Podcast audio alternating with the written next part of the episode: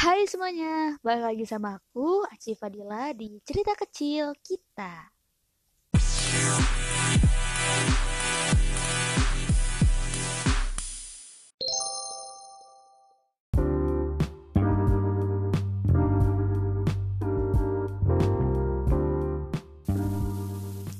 Well guys, uh, ini udah kira-kira hampir sebulan dari podcast aku yang terakhir tentang pergi sendirian ya setahun deh kayaknya. Soalnya terakhir aku ngetek itu 2019 dan sekarang udah 2020 dan uh, kali ini aku nggak sendirian. Aku nggak lagi ada di program ceritaku karena hari ini aku ada temennya.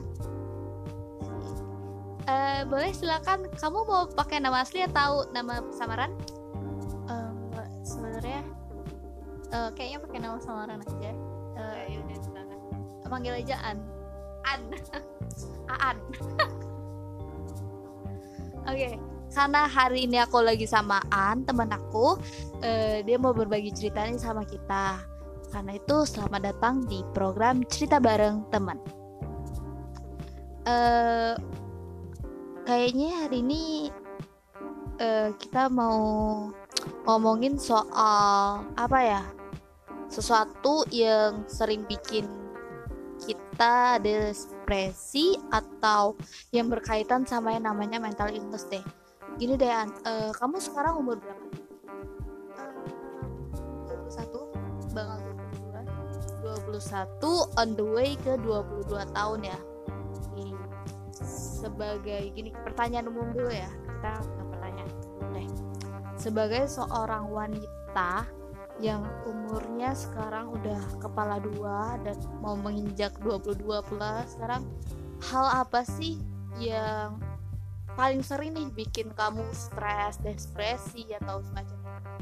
Um, Sebenarnya sih uh, aku found found out kalau aku depresi itu bukan karena aku apa rutinitas yang bikin stres gitu mungkin karena emang akunya kena depresi gitu. Cuman kalau dari tekanan sebagai wanita berumur 21 menjelang 22 pasti kayak uh, bentar lagi bakal lulus tuntutan buat cepet lulus terus tuntutan untuk cari kerjaan yang mapan dari orang tua uh, untuk membiayai diri sendiri. Terus banyak hal nikah cepatnya oke okay, uh, eh, jadi sekarang kamu statusnya masih kuliah ya? Ya. Bentar lagi lagi sedang menyusun skripsi. Itu juga termasuk satu hal yang sering bikin uh, biasanya tuh skripsi itu adalah salah satu hal yang sering bikin mahasiswa dan mahasiswi tingkat akhir itu stres ya ya nggak sih? Tuh itu ter kamu termasuk dalam uh, golongan mahasiswa yang stres banget bikin skripsi apa enggak sih? Mungkin temen-temen mikir atau ngeliat kayak oh ini enak santai nggak nggak yang gimana gimana gitu cuman sebenarnya aku tipe orang yang stres banget soal skripsi sampai yang kayak uh, gimana caranya aku lulus tapi nggak usah capek-capek gitu kayak gini. Atau bisa nggak sih kayak aku cuti dulu sempet mikir yang kayak gitu. Oke okay, jadi sebenarnya uh, orang uh, kamu tuh tipe yang pemikir juga ya soal skripsi. Sedangkan teman-teman kamu dua santo ngira ya tuh kamu anak yang nyantai ya. Kebalikan dari aku ya sebenarnya. Kalau orang ngeliat aku tuh kayaknya uh dia gercep nih. Uh dia tiap hari ke kampus nih. Padahal mah aku kampus cuma main-main doang. Nggak aku tuh suka ya. Aku tuh kayak ya udah skripsi jalanin aja gitu doh kerjain aja. Ke bukannya nggak kepikiran kepikiran tapi nggak terlalu dibawa stres juga sih oke jadi ginian uh, tadi kan kamu bilang kalau uh, bukan rutinitas kamu sehari-hari yang sering bikin kamu uh, depres atau stres gitu tapi karena memang punya apa tuh apa sih punya latar belakang mempunyai depresi atau gimana? Uh, jadi gini awalnya itu aku ngerasa um, punya kecemasan lebih sama ketakutan lebih terhadap beberapa hal. Nah uh, dari situ sih sebenarnya kayak uh, awalnya kayak yang oh aku cuma takut kayak gini doang ini normal gitu. Kayak ya tiap manusia pasti punya rasa takut punya rasa cemas gitu dan itu normal gitu. Tapi ternyata uh, aku found out kayak sempet ikut tes kejiwaan gitu loh.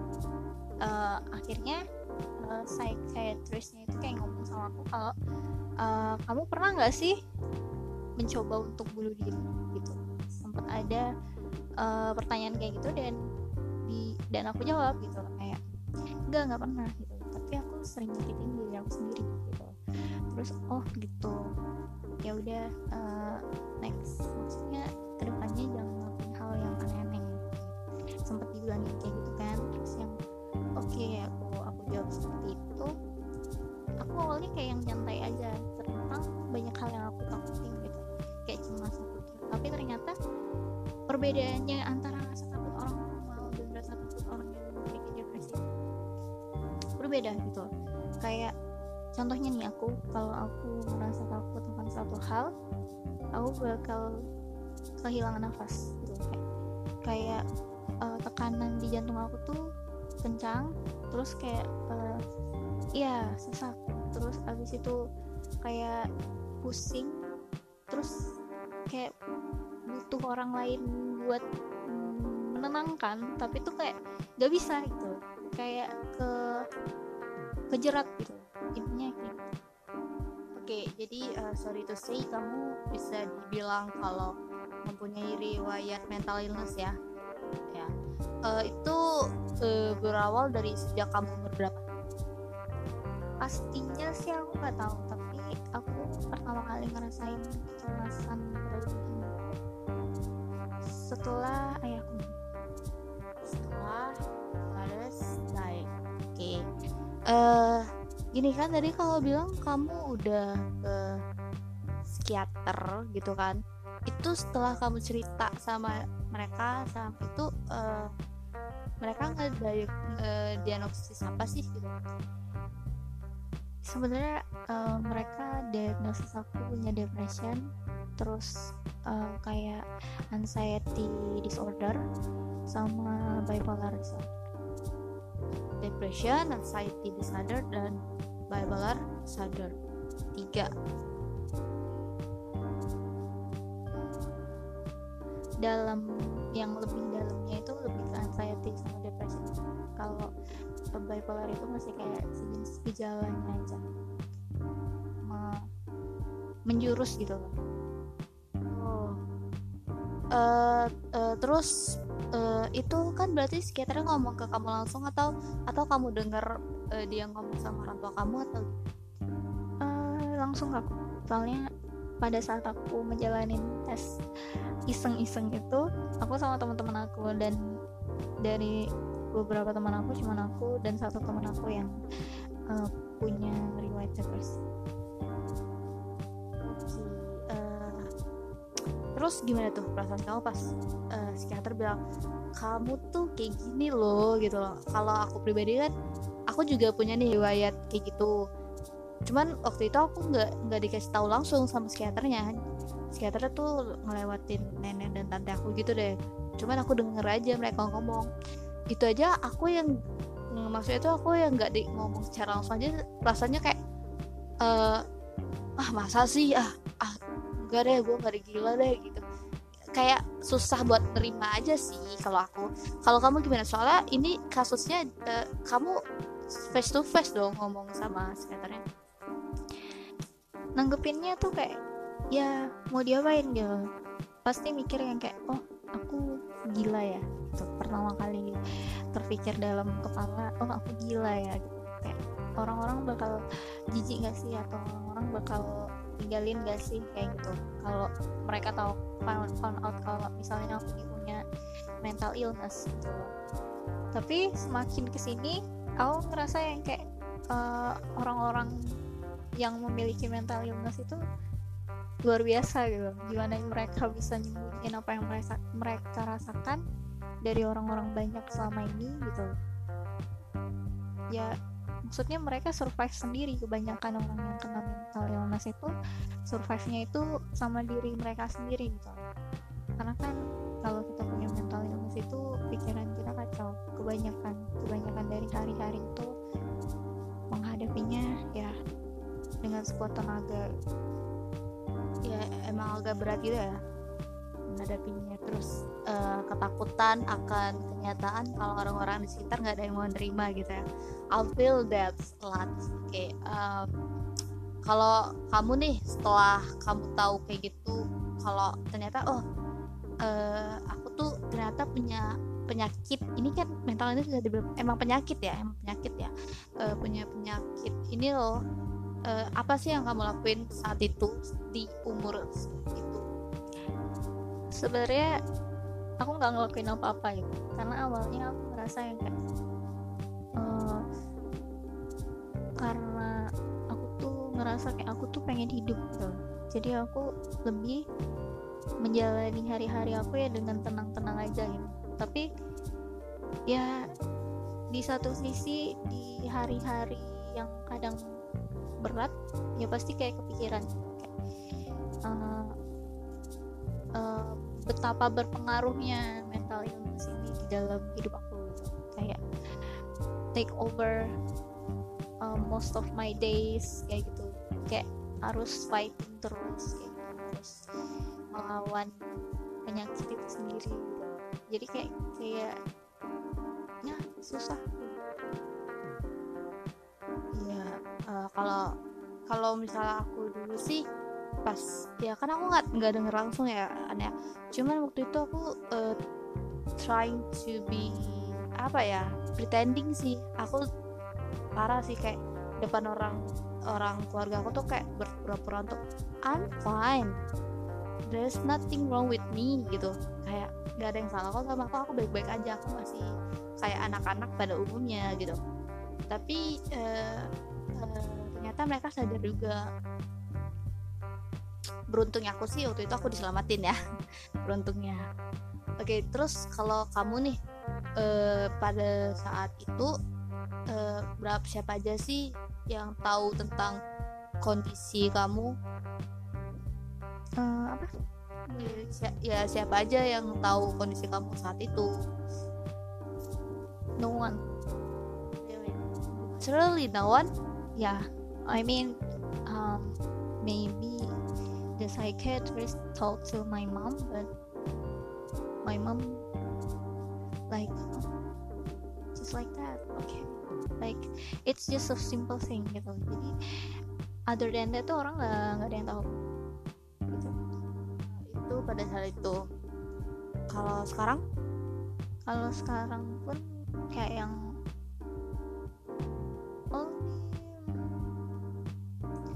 that I know that I really talk less than 5%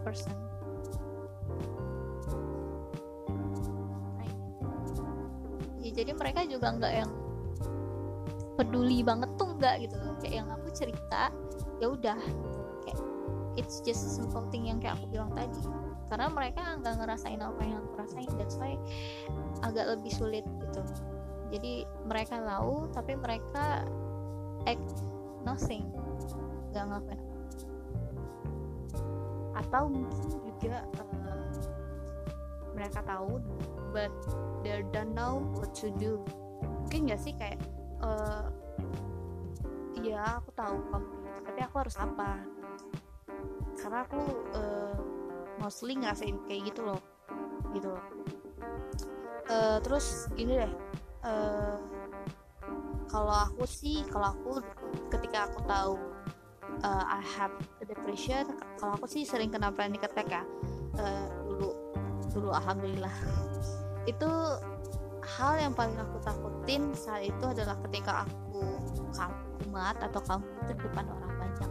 Kayak aku nggak mau ada orang orang tahu gitu. Kalau kamu sendiri apa sih yang lebih kamu takutin selama uh, kamu tahu deh kalau kamu punya penyakit ini? Ya sama gitu loh. Aku takut orang-orang tahu kalau aku punya depresi. Maksudnya sampai sah sampai hari ini masih banyak orang pikir kalau orang yang kena depresi itu ya orang gila gitu loh. Uh, maksudnya masyarakat tuh masih belum bisa menerima hal kayak gini gitu. Kebanyakan jadi ya pastilah kayak misalnya aku lagi ketakutan anxiety apa kamu di depan banyak orang gitu. Tuh aku takut aku jadi lebih apa ya lebih sensitif gitu jadi aku kayak ngelihat reaksi orang ngelihat aku kayak gimana. Gitu. terus aku kayak mikir orang ini pikir tentang aku kayak gimana. Mereka uh, realize nggak sih nyadar nggak sih kalau misalnya anxiety aku lagi kumat kayak gitu. Aku lebih kayak gitu. Jadi semua hal itu aku masukin ke kepala aku ya bukannya bikin baik-baik aja terus treatment apa aja nih udah yang udah kamu jalani selama ini? Treatment um, honestly treatment itu gimana ya? Nggak tahu kayak, um, ya senormalnya orang yang kena depresi. Be mendekat kepada Tuhan terus um, hidup sehat terus kadang datang ke psychiatry kayak gitu,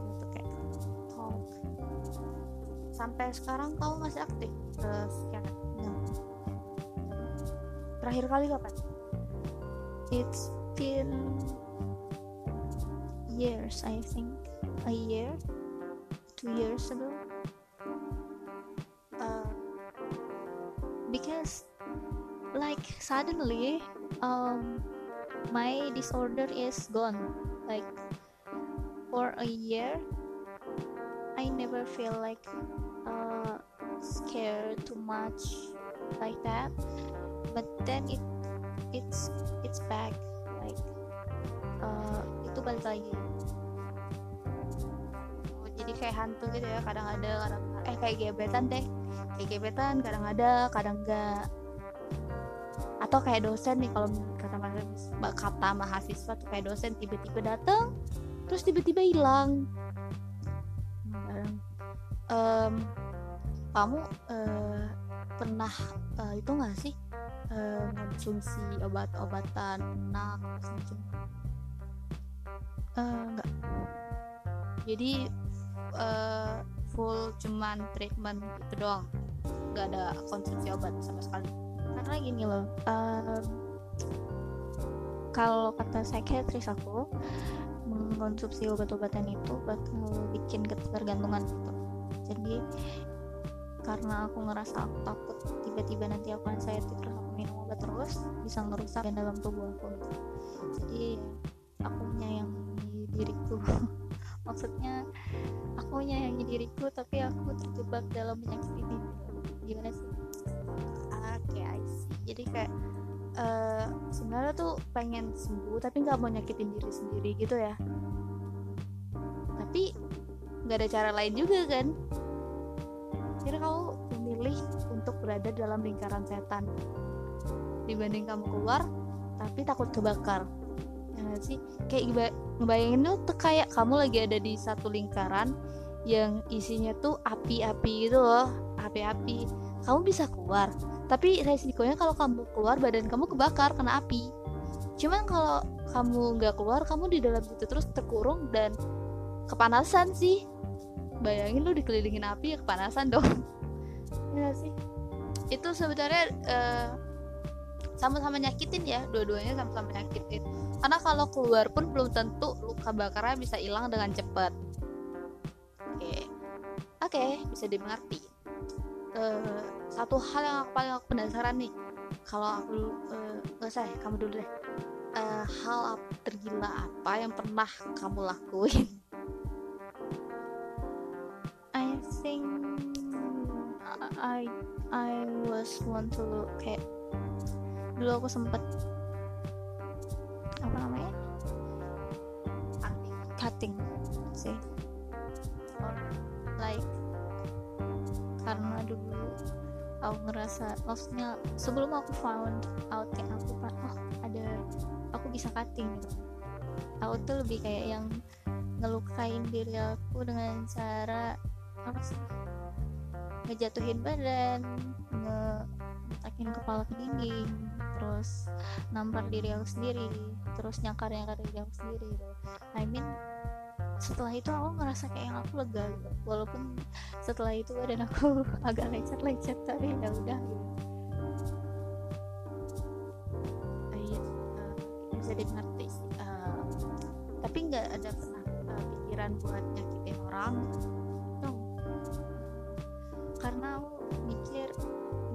nyakitin orang tuh gimana ya aku nyakitin diri sendiri aja belum bisa gitu maksudnya uh, di dalam ketakutan maksudnya pas lagi kambuhnya kan aku nyakitin diri aku gitu kalau buat nyakitin diri orang I think aku nggak bisa sih.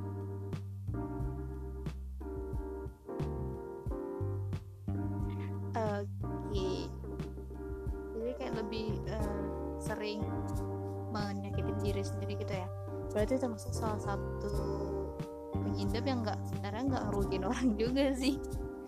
Karena karena ada tuh beberapa uh, pasien atau orang yang kalau dia lagi panik atau apa dia kayak ngancur-ngancurin barang, dia nyakitin orang-orang di sekitarnya. Kan ada tuh beberapa yang gitu. Uh, kalau aku dulu sih sempet sih nyakitin beberapa orang di sekitar sempet ya kalau itu, itu udah kalau nggak tahan banget deh kayak ya kayaknya aku lebih sering nyakitin orang daripada nyakitin diri sendiri. Iya setelah aku inget-inget lagi aku jarang banget yang namanya cutting itu jarang banget. Walaupun kalau sepengennya nyakitin itu aku langsung try to be suicide attempt to suicide. Waktu itu. Uh, tapi yang bener-bener bikin diri aku yang kayak luka-luka gitu nggak pernah sih kayak kalau bikin orang-orang lain luka-luka sering gitu bahaya sih. Makanya dulu uh, sampai dibawa psikiater banget tuh kan udah makan korban. Kayak makan korban gitu. Kayak uh, uh, gini deh menurut kamu nih. Kan kamu kan udah gede udah udah di, uh, bisa dibilang kategori dewasa ya. Uh, kamu kira-kira bisa udah bisa find out nggak sih sebenarnya kan semua itu ada penyebabnya ya. Sebenarnya yang bisa yang bikin kamu kayak gitu apa sih? Penyebabnya itu apa sih? Aku itu tipe yang gimana ya? Misal aku uh, ketemu di satu hal dan ternyata aku kepikiran gitu semuanya itu bersumber dari pikiran aku sendiri An uh, anxiety aku depresi aku. Karena uh, orang lain tuh nggak ada yang nekan kayak misal orang ngebully aku aku nyantai aja gitu tapi kalau ini berdasarkan dari kepala aku sendiri aku tuh susah banget ngelawannya. Kayak jadi selama ini anxiety aku tuh ya karena aku berpikiran terlalu banyak gitu. Dan aku tuh mulai ketakutan ketakutan gitu. Lebih jadi nggak ada uh, itu apa ya nggak ada pengaruh eksternal gitu ya?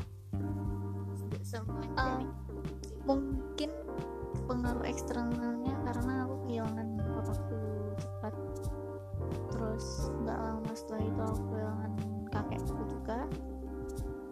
Ya maksudnya aku lebih banyak kehilangan orang sih. Makanya aku ngerasa kayak yang aku takut gitu. Kayak aku takut uh, aku kehilangan orang lain that's why aku ngerasa aku ketakutan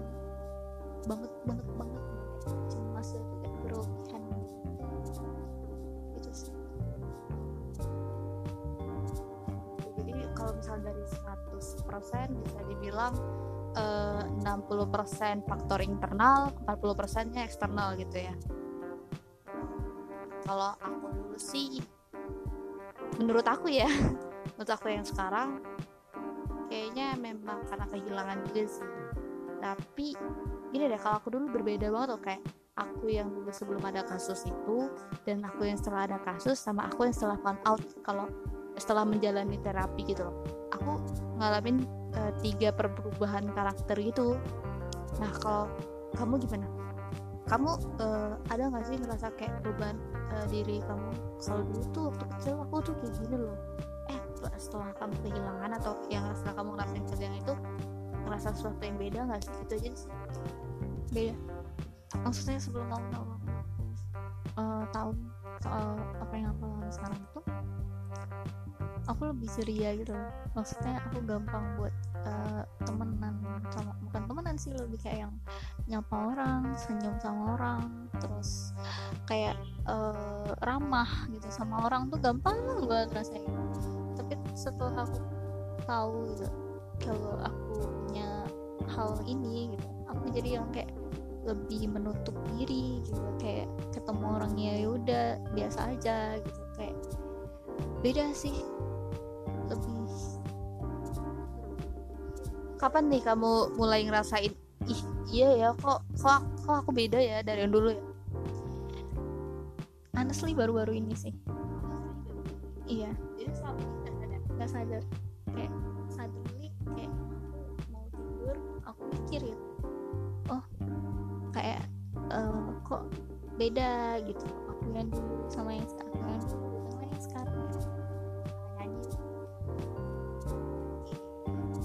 terus eh, ada nggak sih kayak dampak dampak spesifik nih eh, apa ya perubahan emosi kali ya? Kayak perubahan emosi itu ada yang eh, dampak spe- ada dampak spesifik nggak di hidup kamu? Hmm, contohnya? Contohnya gini deh kalau eh, kita balik aku ya. Kalau aku dulu eh, waktu kecil aku ya dikenal di keluarga tuh sebagai seorang anak yang ceria terus eh, kalau bilang multi talenter bilang sombong ya. Apa ya? Atraktif eh, terus aktif banget gitu loh. Terus juga lumayan berprestasi di bidang akademik ataupun non akademiknya gitu. Kayak aku nggak pernah tuh kehilangan ranking besar sama sekali. Tapi setelah aku terjebak masalah keluarga yang lumayan berat itu menurut aku eh, tiba-tiba aku jadi gampang marah. Aku dulu eh, kayak anaknya manis banget gitu loh. Percaya nggak sih? Aku dulu kayak anaknya manis banget gitu. Jangan marah palingan ngambek doang. Nah ketika setelah itu jadi kayak gampang banget marah dan marah itu udah kayak eh, ngancur-ngancurin barang terus mukul-mukulin orang mukul-mukulin diri. Kalau kalau nggak ada orang sih baru mukulin diri gitu. Tapi kalau ada orang aku lebih milih mukulin orang. Terus lebih apa ya eh, prestasi aku menurun jauh banget dari bayangin dari ranking 3 besar tiba-tiba ranking 14 gitu. Gitu. Jadi lebih apa ya barbar ya kayak lebih barbar aja gitu anak padahal anaknya polos banget tuh. Itu dampak dam salah satu dampak spes- spesifik di hidup aku perubahan spesifik. Nah kalau kamu? Dulu itu karena aku find out kalau aku uh, anxiety pertama kali itu SMP pas SD itu semua hal aku lakuin. Mulai dari badminton ikut semuanya gitu. Kayak ekstrakurikuler aku ikut semua. Kayak anaknya aktif banget gitu. Ke orang-orang juga yang kayak oke oke pak oke kayak gitu. Oke bu kayak gitu. Jadi maksudnya kayak ya kaki tangannya guru kayak gitu-gitu. Intinya kayak yang dikenal orang tuh teacher's pet. Oke ya kayak gitu. Terus setelah aku tahu aku mulai aku tahu maksudnya pertama kali aku ngerasain itu dan saya yang pertama kali aku jadi takut ngelakuin semua hal pertama kali banget. Jadi mulai dari situ aku mulai menutup diri. Kayak aku nggak mau ngelakuin ini aku nggak mau ngelakuin ini aku nggak mau ngelakuin ini. Jadi dampaknya sampai sekarang I don't have many friends. Like aku nggak punya banyak temen. gitu temen aku ya ya 10 kurang. Kurang. Itu aja kadang-kadang kadang enggak ya. Kalau ada duit aja dateng. Kalau ada masalah hilang. Em, apa ya tadi mau nanya apa ya? Lupa. Oh gini. Eh, tadi udah aku udah nanya belum sih hal gila yang pernah kamu lakuin? Udah. Terus apa ya kayak ada nggak sih satu hal yang bikin kamu nyesel? Satu hal yang udah pernah kamu lakuin tapi bikin kamu nyesel gitu? Karena dampak ini gitu. Em, dampak ini. Mungkin aku pernah ya cutting itu sih. Aku nyesel like um, maksudnya karena aku dalam tahap penyembuhan jadi aku mikir ya maksudnya akal sehat aku udah lumayan membaik. Jadi kayak why? Why I'm cutting myself? Like I love myself but I'm cutting myself. Like um, why I'm so stupid? Like that sih. Eh, terus ada yang lain nggak? Misalnya kayak ke ke keluarga gimana? Kamu ke keluarga atau keluarga keluarga ke kamu? Pandangan aja sih pandangan I don't know. Kalau pandangan keluarga ke aku sih cuman kayak ngerasa dulu mungkin karena anxiety aku di di, di dalam banyak orang juga ngerasa anxiety gitu. Ngerasa uh, mereka nggak pernah sempat terpikir gitu. Um, they don't care about me. Like uh, mereka nggak nggak nggak nggak peduli gitu. Padahal ya gimana mereka mau peduli kalau mereka nggak tahu apa yang terjadi gitu kan. Like that. Itu itu kalau keluarga kamu ya.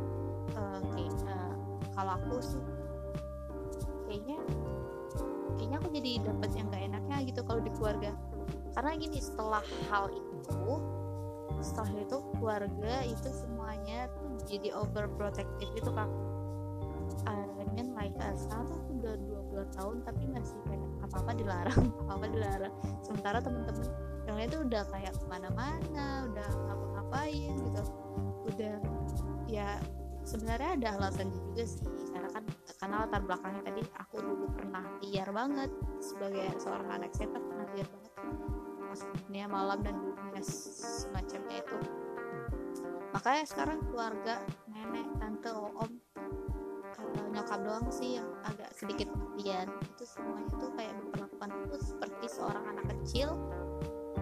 Overprotect bukan bukan disayang bukan disayang cuman kayak ya gimana sih namanya lebih overprotective itu iya kayak lebih diatur gitu. Kamu harus gini kamu harus gitu, gitu. biar hidupmu bener gitu. Kamu rasain hal itu gak sih? Honestly enggak karena ya itu balik lagi karena mereka nggak tahu apa yang terjadi kan. Jadi jadi mereka nggak biarin kamu udah let it flow. Kayak kamu jalin aja hidup kamu sekarang. Ya kayak gitu nggak ada dikasih kayak kamu tuh besok harus ini ya kamu harus ini." mungkin lebih yang kayak sewajarnya keluarga lah kayak gitu. Jangan kayak gini nanti ke depannya kamu kayak gini gitu. Enggak kayak, aku tuh eh, aku pas mau milih jurusan kuliah aja tuh harus ditentuin dari mereka gitu awalnya gitu kamu kayak gitu enggak sih eh, mereka ngasih saran tapi balikin lagi ke aku kayak maunya apa Oke, oke. Nah, terus eh, tadi kan kamu udah bilang kalau akhirnya kamu speak up nih ke beberapa orang, teman ya. Eh, gimana tuh? Teman-teman kamu nanggepinnya Pandangan mereka ke kamu tuh ada ada yang berubah nggak sih? Kayak dari dulu sebelum mereka tahu, setelah sekarang setelah mereka tahu. Eh, ada yang berubah ada yang enggak gitu. Maksudnya Kalau yang berubah apa?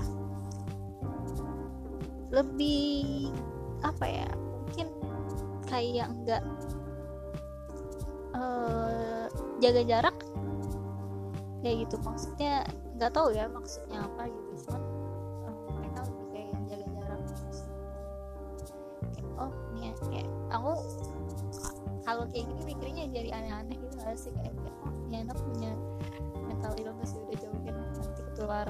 kayak gitu aku sempet mikirnya kayak gitu Emang mental illness nu nular ya? Hah?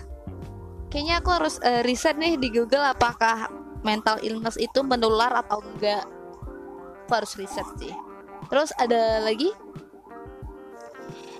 Eh, apa lagi ya mungkin kayak habis aku speak up diri doang gitu kayak aku kena depresi dan segala macam ketik tuh kayak aku harus apa toh apa tolong gitu tapi cuman kayak eh, sejak kapan. Kayaknya lu nggak pernah gitu sama aku. ya nggak sama lu gitu Aku bukan temen. terus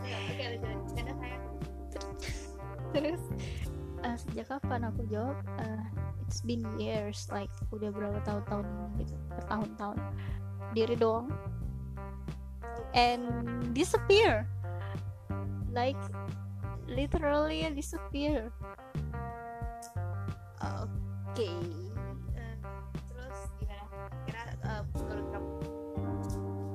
menurut aku ya gak masalah sih ya udah yang terjadi yang udah aku ceritain ya udah mau gimana dia ke depannya ya udah terserah dia are you feel better uh, setel, uh, kan kamu selama ini nutupin nih setelah speak up are you feel better or not?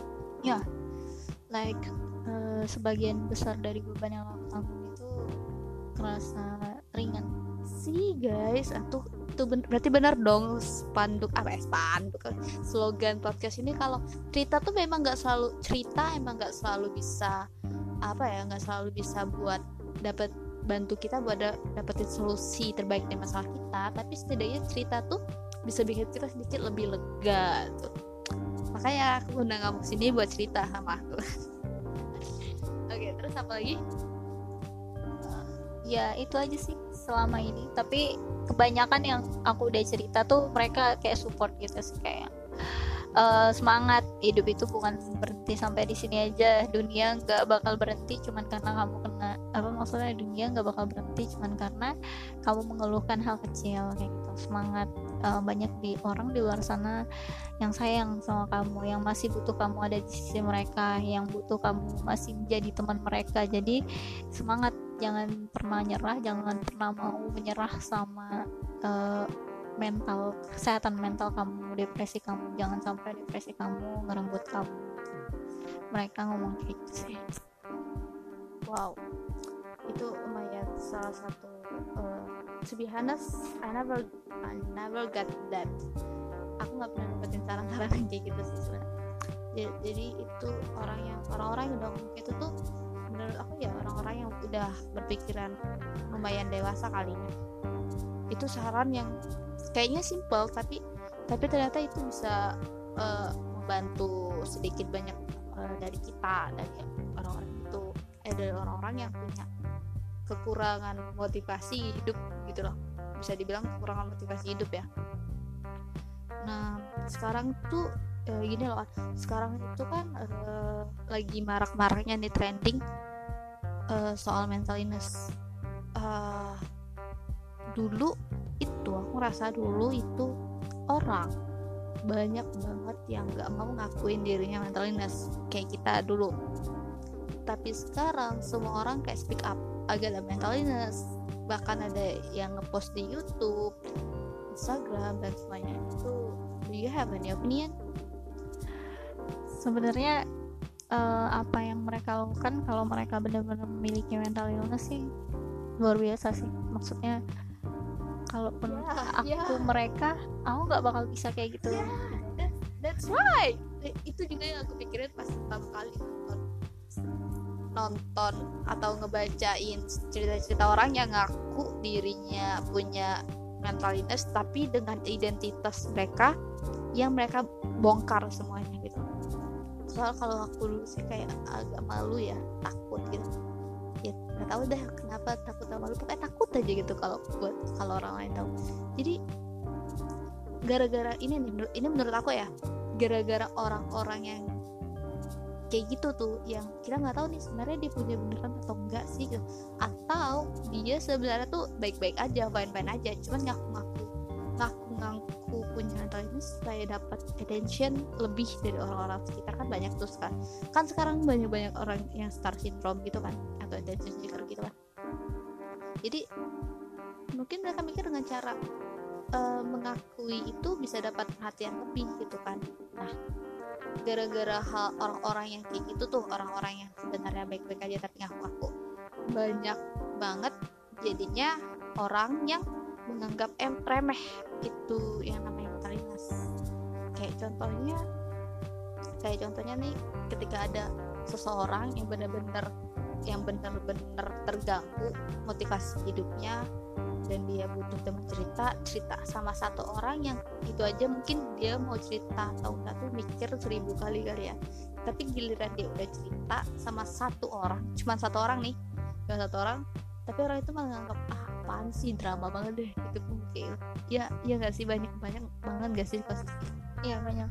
Uh, sebagian besar orang yang pernah aku ceritain itu ya kayak gitu. Maksudnya oh ya udah berserah kepada Tuhan.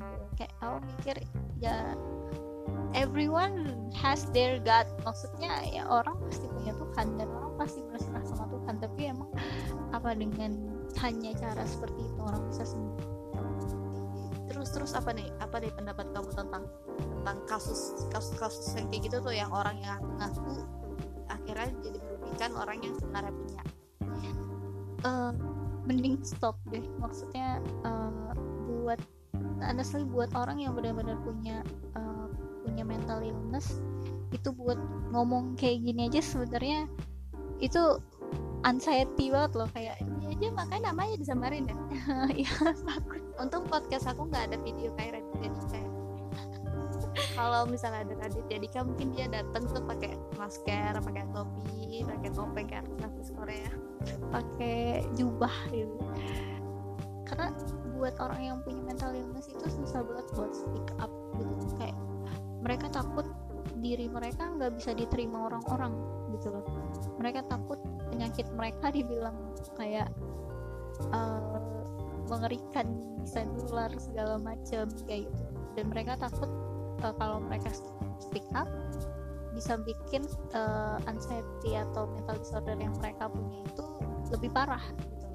Jadi banyak pertimbangan kenapa orang-orang yang sebenarnya memiliki benar-benar memiliki mental illness itu jarang banget yang mau speak up. Dan mereka yang mungkin emang punya kalaupun mereka punya pun itu luar biasa sih. Aku appreciate. Tapi kalau misalnya kalau mereka cuma ngaku-ngaku ya mending stop. Karena secara tidak langsung kalian melecehkan orang yang memiliki mental disorder. Good. Terwakilkan sih. Uh, terwakilkan sih atas apa yang aku pikirkan juga jadi gini loh teman-teman semua.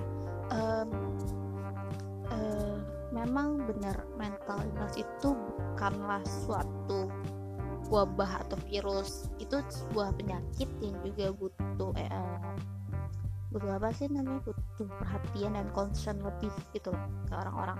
Sama kayak pengidap-pengidap kanker di luar sana sama. Jadi kenapa harus dibeda-bedain gitu loh perlakuan uh, ya perlakuannya. Kalau gini deh uh, kalau orang kanker itu pasti semua masyarakat Indonesia tuh kayak perhatian banget yang benar-benar berlebihan iya. Terus sedangkan ke kalau ada tahu uh, orang yang punya mental illness uh, mayoritas masyarakat Indonesia itu malah kayak males jijik gitu gak sih gitu padahal kan itu sama-sama sama-sama penyakit. Gitu. kenapa harus dibedakan? Dan gak banyak eh gak sedikit juga orang-orang yang memilih bunuh diri gara-gara mental illness. Makanya kenapa itu uh, perlu diperhatiin sih. Terus kalau uh, pendapat aku pribadi tentang orang-orang yang udah berani speak up itu ya sama sih. Appreciate banget. Kalau beneran tapi kalau enggak buat apa? Gitu. Dan saran aku sih ya saran aku nih buat teman-teman kalau misal kamu punya penyakit ngerasa punya kecemasan berlebihan atau uh, ngerasa punya gangguan emosi yang gak stabil itu memang ada lebih baiknya kalau kamu cari teman buat ngomong. Kalau kamu nggak nggak nggak percaya sama orang tua kamu kamu bisa cari teman kamu sendiri atau nggak percaya sama teman saudara saudara kalau nggak percaya sama siapa-siapa jalan terakhir itu adalah psikiater yang psikiater adalah orang yang nggak tahu yang awal mulai itu nggak tahu kamu siapa dan juga nggak bakal bisa nyebar cerita kamu ke orang lain juga enggak ya sih tuh jadi uh, menemui orang-orang banyak nih yang uh, takut nemuin psikiater karena takut dikira gila gitu. Padahal enggak. Padahal nemuin psikiater itu bukan karena kamu gila tapi kan kamu cuma butuh teman ngobrol aja sih. Uh, terus jadi jangan jangan jangan mendam jangan pernah buat mendam masalah sendirian cause it's really bad for you. Itu dampaknya ke diri kamu sendiri dan ngerugiin diri kamu sendiri. Uh, uh, terus buat orang-orang yang misalnya dapat cerita teman kamu ngadu ke kamu kalau aku kayaknya gini deh aku kayaknya gini deh. Please banget jangan dianggap enteng jangan dianggap remeh. Karena biasanya itu dia mau ngomong kayak gitu ke kamu aja tuh mikir ribuan kali mungkin atau ratusan kali gitu. Kamu bayangin deh kayak kamu mau ngadu tapi di uh, diremehin sama orang lain itu pasti rasa sakit banget kan terus nggak usah deh nggak uh, usah netting netting dulu entah dia cuma pura-pura atau gimana. Uh, tapi setelah dipikir-pikir juga orang yang pura-pura punya mental illness itu bisa jadi dia mental illness beneran karena dia butuh perhatian lebih gitu loh kan? Jadi nggak ada salahnya juga kalau perhatiin. Intinya jangan menganggap remeh deh mental illness gitu. Oke uh, mungkin kamu ada yang di um, ya maksud aku bener sih aku setuju apa yang uh, kamu bilang tadi. Kalau sebenarnya mental illness itu mental illness itu bukan hal sepele. Karena jangan karena kamu nggak ngelihat dia terluka bukan berarti dia sehat-sehat aja gitu. Kayak uh, ya karena mental illness tuh nggak ada lukanya nggak ada bekasnya gitu. Karena bekasnya di jiwa mereka bukan di tubuh mereka gitu. dan aku harap orang-orang sekarang maksudnya masyarakat dan orang-orang di seluruh dunia lebih bisa uh, memeluk orang-orang yang memiliki mental illness karena sebenarnya yang mereka butuhin cuma kalian dengerin cerita mereka senyum ke mereka ngasih mereka senyum. Itu doang. Terus ya makasih. Oke okay, uh, oke okay, wow. It's been a long time uh, untuk ngomongin hal-hal kayak gini ternyata nggak gampang ya. Uh, ya udah uh, kayaknya uh, buat hari ini uh, ceritanya cukup sampai sini ya, ya. Udah lega belum? Udah lega belum? Atau masih ada uh, yang ganjel nih? Gitu uh, alhamdulillah ya. Uh, ya jadi uh, uh, kita uh, mungkin nggak bisa uh, mungkin cerita sama orang itu memang nggak bisa banyak uh, bantu kamu buat selesai masalah kamu atau nyembuhin penyakit kamu tapi setidaknya kita harap aku harap kamu dengan bercerita bisa membuat ya nggak ngerasa kesepian nggak ngerasa sendirian dan mengurangi sedikit beban yang ada di pundak kamu. So guys, uh, buat kamu yang udah dengerin, terima kasih banget kan udah udah dengerin cerita kita.